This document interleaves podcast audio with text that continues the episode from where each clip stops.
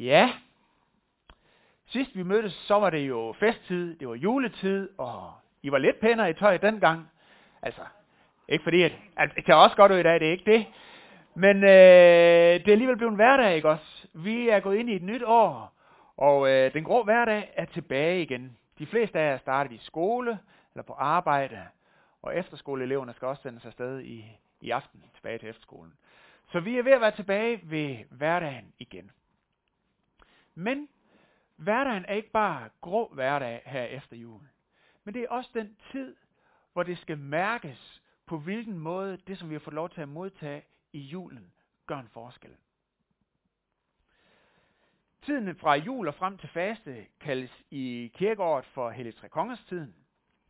Internationalt har den faktisk et andet navn. Det er særligt noget, vi har fundet på i Danmark, det der med Hellig Tre Kongers tiden. Der kaldes den Epifanitiden, som betyder åbenbaringstiden.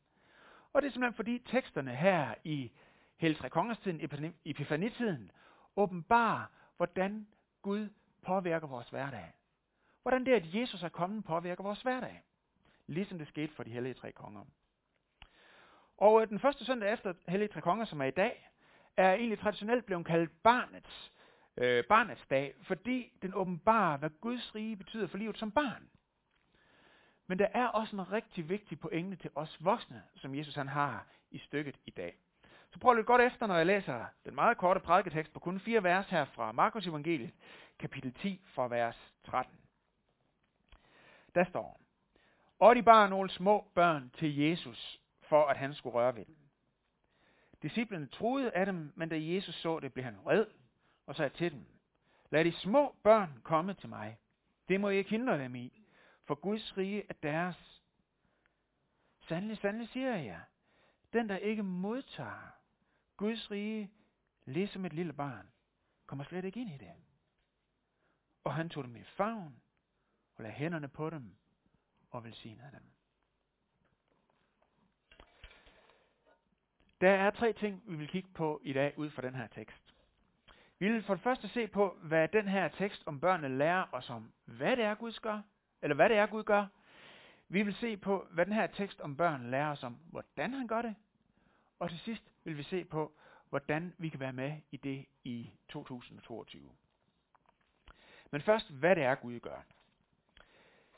Jesus han konfronterer i den her tekst samtidens syn på børn. De synes ikke, de skulle komme hen og være i nærheden af Jesus. Og øh, der er en sociologisk forsker, der hedder Rodney Stark, som i sin bog The Rise of Christianity forklarer, hvorfor det var, at kristendommen havde en så uforbeholden stor indflydelse i Romeriet de første 300 år, selvom det faktisk var en forbudt religion. Og han siger, at de to væsentligste faktorer, det var, øh, at de beskyttede kvinderne, og at de beskyttede børnene. Der har vi Rodney Stark, så fik vi det til at køre os. Rodney Stark. Øh, stykket med børnene til i dag hænger i Markus evangeliet sammen med det stykke, der er lige øh, umiddelbart før, som handler om skilsmisse. Og øh, kvinder blev på den her tid betragtet som mandens ejendom. Som barn var en pige sin fars ejendom, og hvis han døde, så var hun sin ældste brors ejendom, og når hun blev gift, så overgik hun til at være sin mands ejendom. Og når hun så blev træt af ham, nej, modsat, nej, for den, den mulighed var der nemlig ikke. når han blev træt af hende, så kunne han bare skille sig af med hende, ligesom man blev træt af en gang bil eller noget. Og jamen helt ærligt, i ramme alvor, så diskuterede de lovlærte på Jesu tid, hvor mange gange hun skulle brænde maden på, før at det egentlig var en reel øh, og god undskyldning for, at man kunne øh, skifte hende ud. Helt ærligt. Jeg vil sige personligt, så er jeg meget taknemmelig for, at det ikke er det parameter, min ægteskabelige duelighed skal vurderes på. Øh, fordi, øh, ja, så var jeg nok røgen sving, der er jeg bange for. Men de diskuterede helt ærligt, hvor små sko det var okay at gå i. Og hvem blev de store taber for den her urimelige frihed, som manden blev øh, tillagt i, i det samfund? Jamen det blev selvfølgelig børnene, og i det her samfund også kvinderne. Men Jesus vil beskytte de ubeskyttede. Han introducerer simpelthen en ny måde at leve på. En ny måde at relatere til Gud på. en ny måde at relatere til andre på, endda en ny måde at relatere til sig selv og til livet i det hele taget. Det er det, han kalder Guds rige. Der, hvor Gud får lov at regere. Og øh, det tog de første kristne med sig, der hvor de rejste ud, og der hvor kristendommen spredte sig. Og dermed forvandlede de simpelthen noget af Romerrigets brutalitet indenfra, pointerer Rodney Stark. Og I skal simpelthen have noget sociologi i dag. Så I får et langt citat af Rodney Stark her fra en anden bog, som han har skrevet, der hedder Discovering God. Og der står sådan her, citat. Fordelene for kristne kvinder begyndte ved fødslen. Spædbarns mor var udbredt i den græsroberske verden, og det var især kvindelige spædbarn, der var udsat. Altså man dræbte søn simpelthen, når de var, blev født, og man kunne se, at det var en pige. Så satte man mænd ud i skoven, eller, eller, eller tog simpelthen livet af dem. En undersøgelse med inskriptioner i Delphi har gjort det muligt at rekonstruere 600 familier. Af disse havde kun 6 familier ud af de 600 opdraget mere end én datter. Som man kunne forvente, viste skævheden sig dramatisk i kønsforholdet mellem Rom og rigets befolkning. Det anslås, at der var 131 mænd per 100 kvinder i byen Rom, og 140 mænd per 100 kvinder i imperiet i øvrigt. Fordelene for kristne kvinder fortsatte ind i teenageårene. Romersk lov foreslog, at piger ikke giftede sig før de var 12. Men der var ingen reel begrænsning på tidligt ægteskab, altså med en langt ældre mand. Og kun en tredjedel af ikke-kristne piger var derfor endnu ikke gift som 18-årige. Samtidig var, sammenlignet var kun halvdelen af kristne piger gift ved den alder. De blev simpelthen tvunget ind i tidligt ægteskab på samme måde. Og når de var gift, havde ikke-kristne piger en væsentlig lavere forventet levetid. Og en stor del af forskellen skyldtes den store udbredelse af abort, som involverede barbariske metoder i en tid uden sæbe, end sige antibiotika. Og i betragtning af den betydelige trussel mod livet og smerten ved proceduren, kan man undre sig over, hvorfor hedenske kvinder tog sådanne risici. Det gjorde de heller ikke frivilligt. Det var mænd, kærester og fædre, der tog beslutningen om at abortere. Kristne hustruer fik ikke aborter, og heller ikke jødiske hustruer. Kristne kvinder nød også store fordele i form af et sikkert ægteskab og familieliv. Og ligesom øh, man hos ikke-kristne værdsatte, nej, ligesom ikke-kristne værdsatte også de kristne kvindelige kyskhed. Men i modsætning til ikke-kristne afviste de den dobbeltmoral, der gav mændene seksuel frikort. Kristne mænd blev opfordret til at forblive kyske ind til ægteskabet, og sex uden for ægteskab blev fordømt som utroskab. Prøv lige at forestille jer, hvad det her har betydet for kvinders syn på sig selv. At når de efter ni måneder og have båret et lille barn og født det under, altså det er jo en voldsom præstation, som vi mænd slet ikke kan forholde os til. Og så når man ser, at det her barn, der er blevet født, har samme køn, når moren ser, at det her barn har samme køn som en selv, så skal det slås ihjel. Prøv lige at forestille jer, hvad det betyder for græsromerske kvinders syn på sig selv. Og prøv at forestille jer, hvad den praksis har betydet for synet på børn i det hele taget.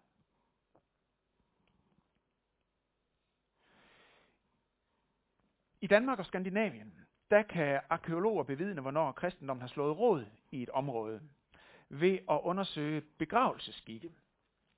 Vikingerne de begravede nemlig ikke døde børn. De anså dem ikke for værdige til det, men i stedet for så gav de deres heste en værdig begravelse. De havde noget større status. Men da vikingerne så blev kristne, så begyndte de at give deres børn en værdig begravelse, og stoppede med at begrave deres heste. Jeg har lige et spørgsmål.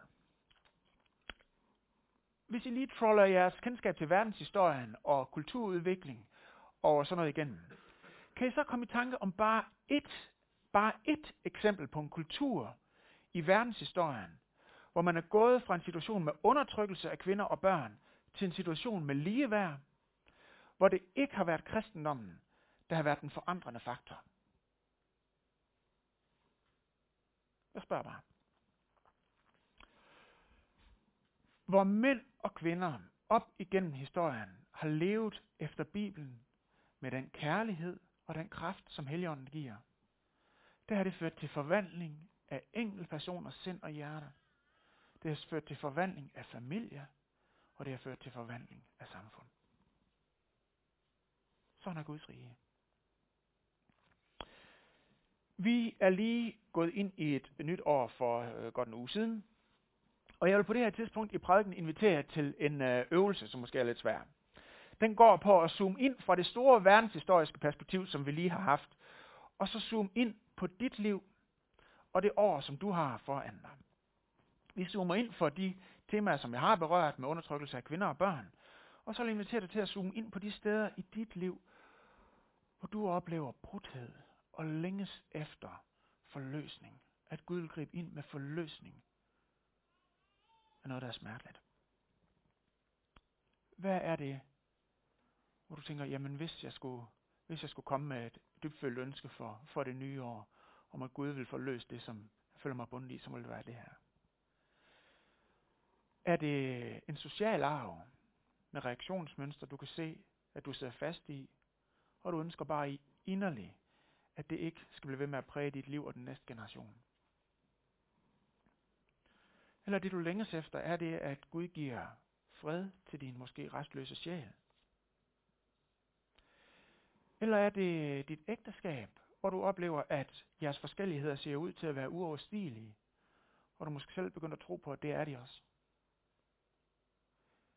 Eller mangler du simpelthen mod og tro og håb for, at det du sidder med, kan blive anderledes? De gode nyheder for 2022 er, at Guds rige, det kommer ikke til at lukke ned i den nye år. Vi kommer måske til at opleve andre nedlukninger, det ved man aldrig i, i vores tid.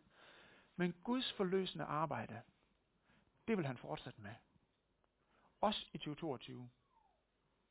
Og højst sandsynligt kommer du i det nye år til ikke til at opleve det som et quick fix, hvor det lige, hovsa, der skete det, der jo der godt nok dejligt.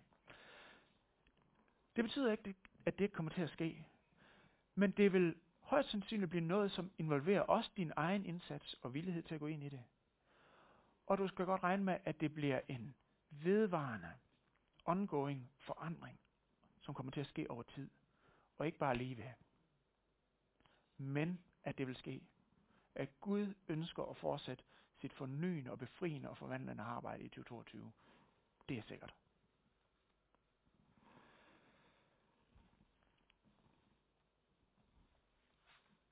I øh, Efeserbrevet kapitel 3, vers 20 står der noget, som jeg elsker. Der står sådan her. Han formår med sin kraft, der virker i os, at gøre langt ud over, hvad vi beder om eller forstår. Prøv at tænke, Gud, Gud, har, Gud har endnu større nytårsforsæt for dit nye år, end du måske selv har. Han har endnu, endnu bedre og mere håbefulde bønder for det nye år, end du måske selv har. Det har han for, for det, han vil gøre for dig, og i dig, og igennem dig i 2022. Så det synes jeg, det er et, go- et godt løfte at starte 2022 med. Og det er et løfte til dig, som er kristen og lever sammen med Gud. Men der er en ufattelig vigtig pointe i Jesu ord i dag, som vi ikke må misse. Og det handler om, hvordan Gud virker med sin forvandling i og gennem os. Der står sådan her. Den, der ikke modtager Guds rige, ligesom et lille barn, kommer slet ikke ind i det. Og det der, det handler ikke om at være barnlig eller være uansvarlig. Det er sådan, den, der ikke er barnlig eller den, der ikke er uansvarlig, kommer ikke til at opleve noget. Men det handler simpelthen om den specifikke egenskab, som børn i den grad mestrer. Nemlig villigheden til at modtage. Øh, små børn, der ikke kan gå, de må problematisere ikke, at øh, deres forældre bliver nødt til at blære, bære dem. Vi læser i teksten i dag, at de bar nogle små børn til Jesus. Det problematiserer små børn ikke, vel? Og små børn har det fint med afhængighed af deres forældre. De frygter ikke for, om der nu også vil være styr på maden i, i næste uge. Og små børn, de oplever ikke noget uværdigt i at modtage omsorg og kærlighed og overbærenhed fra deres forældre i et omfang, de ikke selv er i stand til at udvise. De lever simpelthen med, at der er en asymmetri i relationen. De lever med, at for, det er forældrene, der har ressourcerne. Det er dem, der har øh, magten. Det er dem, der har kompetencerne. Og for små børn, der ved vi, hvis ikke de af den ene eller anden grund vil være i stand til at modtage, jamen så havde de simpelthen ikke en ærlig chance for at overleve. Og det lever de med. Og det er derfor, de, det er derfor, de, ja, det er derfor, de, de øh, kan leve af det, deres forældre giver dem.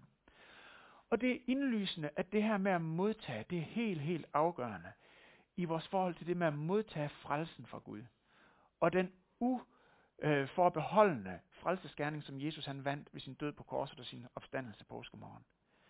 Men det gælder faktisk også det, som Gud vil gøre i os og gøre igennem os. Sit forløsende og forvandlende værk i os og gennem os. Jesus han siger, I kommer simpelthen til at gå glip af Guds rige, hvis I ikke starter med at tage imod her. Ja. Så nu står vi foran et nyt år, 2022. Og det kan være, at vi allerede har øh, lagt nogle gode nytårsforsæt, eller lagt nogle gode planer, vi gerne vil nå. Men hvad nu hvis Gud, han tænker større tanker for os, end dem vi tør håb for os selv? Hvad, hvad må Gud egentlig har tænkt sig for os og lagt til rette for os, eller for dig, eller for din familie i 2022? Hvad hvis Gud han faktisk er fuld af omsorg for dit liv i det kommende år, ikke er ligeglad med det, der skal ske? Hvad hvis du er altid allerede elsket? Og hvad hvis Gud i det år, der ligger foran, er i stand til at skabe noget smukt ud af din dagligdag, også selvom der er ting, der til synlædende ser ud til at gå galt. Skab noget smukt for sit rige selv i dårlige ting. Og øh, jeg har lige et lille, måske banalt eksempel, som jeg vil dele med jer på, hvordan det kan se ud. Her i juleferien, der var der en dag, hvor Bente og jeg havde en kur på tråden.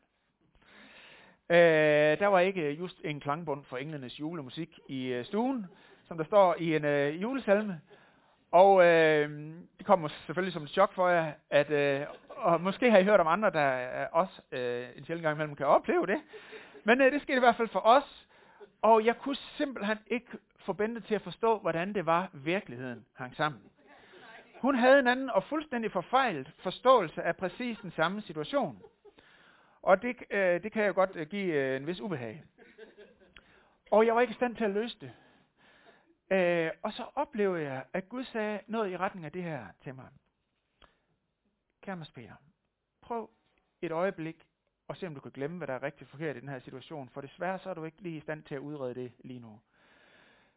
Og så prøv at overveje, Mads Peter, hvis jeg er i stand til at bruge den her situation til at skabe noget nyt i dig, så du kommer til at ligne mig mere. Hmm, det har jeg faktisk ikke lige overvejet, at det var nødvendigt. Og så mindede han mig faktisk om vores øh, etik her i kirken, hvor der står sådan her citat. Tilgivelse, nåde og kærlighed kræver altid, at en går det første skridt. Og det er jo principielt rigtigt, ikke også? Øh, vi følger en Gud, som tager det første skridt mod os. Og det synes jeg faktisk var utidigt at komme med det citat lige på det tidspunkt. Måske var det principielt en god idé. Øh, og jeg havde jo faktisk prøvet de idéer, jeg havde, og det, pff, det var ikke kommet det helt store ud af. Så på en eller anden måde, så fik Gud mig overtalt til at i den her situation at tage imod hans rige, næsten lige så uvildigt som et lille barn. Ikke helt, men dog. Og ved I hvad? Det var faktisk godt. Gud fik lov til at gøre noget godt for min kone og for os, som jeg ikke selv var i stand til at få til at ske. Lige i den situation der. Og min pointe er, at Gud er altid i stand til at skabe noget smukt. Selv i en situation, som ser dum ud, som vi måske er træt af, og måske også med rette flov over, hvor vi ikke kan få tingene til at glide, eller når der er en lukket dør et sted, så åbner Gud altid et vindue et andet sted. Så spørg Gud, hvor er dit rige i den her situation? Og vær villig til at tage imod tillidsfuldt og uforbeholdent som et lille barn, der er klar over, at vi lever af de ressourcer, vi får et andet sted fra. Den, der ikke modtager Guds rige, ligesom et lille barn, kommer slet ikke ind i det. Der er en indstilling af åbenhed over for, hvad han er i gang med at gøre, og en villighed til at tage imod det fra ham, som er afgørende vigtig for Jesus at få understreget i dagens tekst. Og det gælder i vores liv i almindelighed i hverdagen, men det gælder ikke mindst på tærsklen ind til et nyt år. Så til sidst, Hvordan kan vi være med i det, som Gud han vil gøre i det nye år? Jo, teksten til i dag, den afslutter med, at øh, det berettes om, at Jesus tog dem i favn, lagde hænderne på dem og velsignede dem. Og øh, måske tænker vi, jamen det var da også super heldigt for de børn, der, de få børn, der var så heldige at være på det tidspunkt, lige på det sted, hvor Jesus han gjorde det. Men ved I hvad? Det er simpelthen ikke noget, som kun er forbeholdt de få børn lige den dag og i den specielle tidspunkt. Men det er noget, som du, tro eller ej, kan få lov til at modtage på daglig og ugenlig basis i det nye år.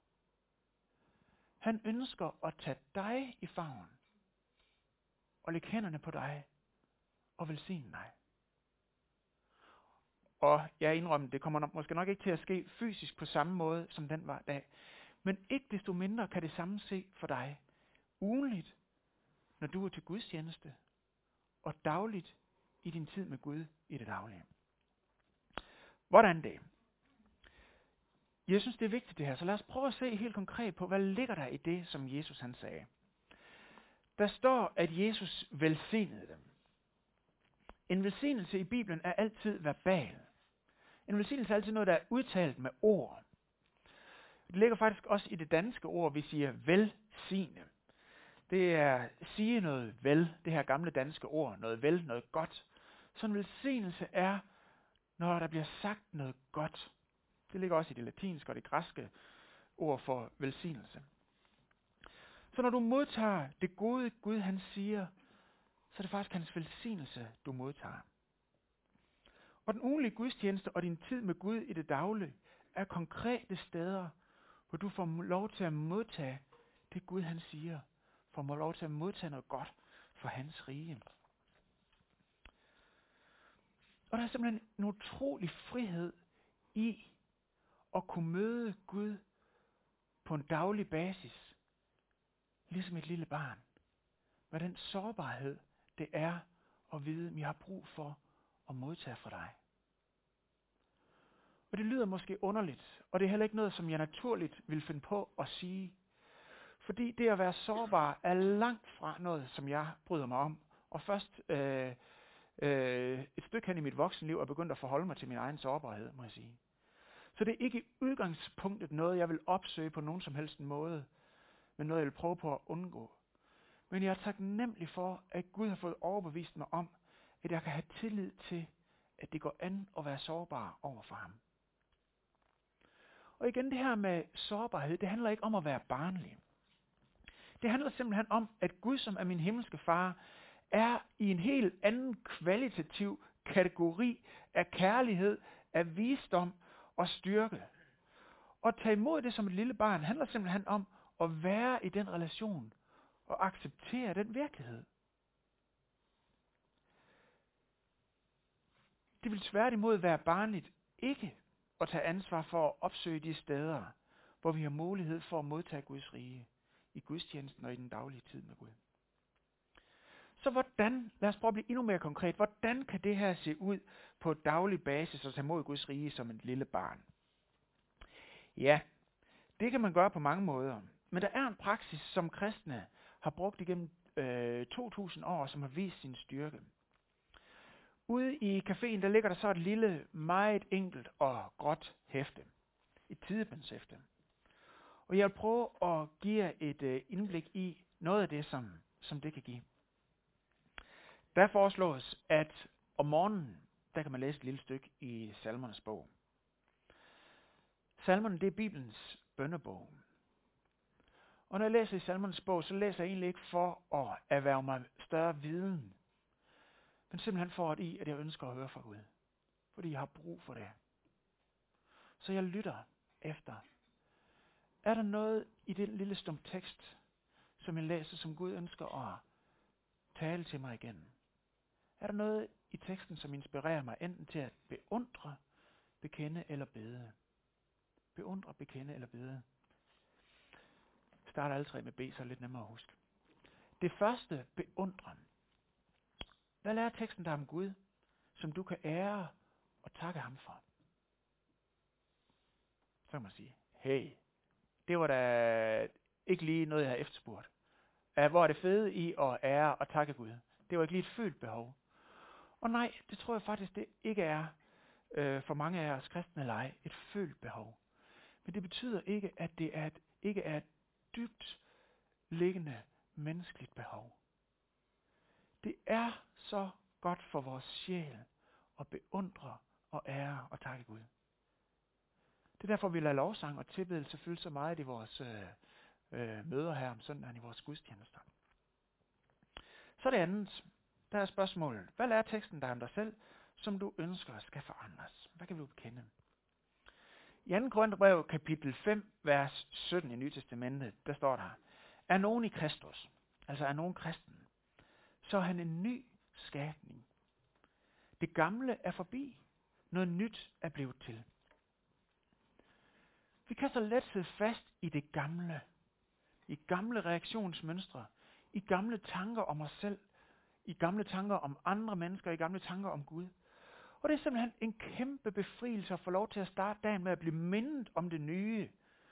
Og få lov til at bekende fuldstændig åben og ærligt over for Gud. Og så få lov til at modtage Guds rige, ligesom et lille barn. Ved I hvad? Vores kultur, eller den tid vi er i, har fået forskellige prædikater, som for eksempel øh, præstations, præstationssamfund og perfekthedskultur og sådan nogle ting.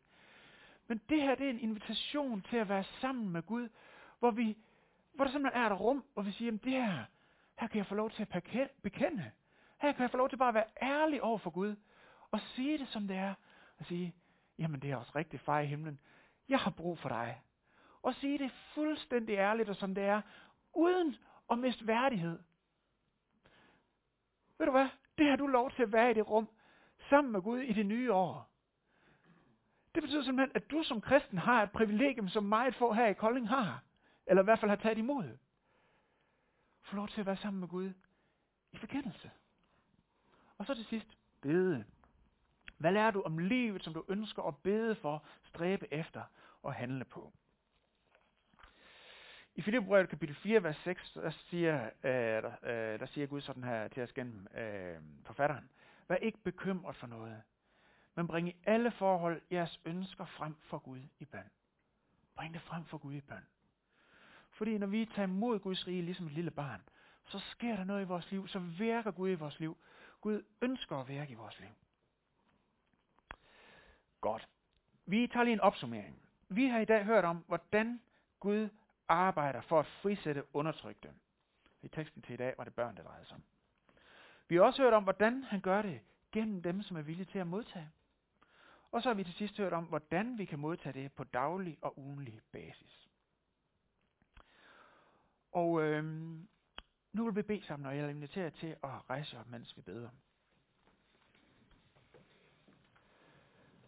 Og øh, vi vil lige tage lidt stillhed til at starte med, øh, med det i tankerne, at vi nu står over for an et nyt år, 2022. Og Gud har inviteret dig til på daglig og ugenlig basis at tage imod hans rige. Tag imod det, som han giver, og det, som han åbner op. Så lad os bare starte med at gøre det sammen nu her.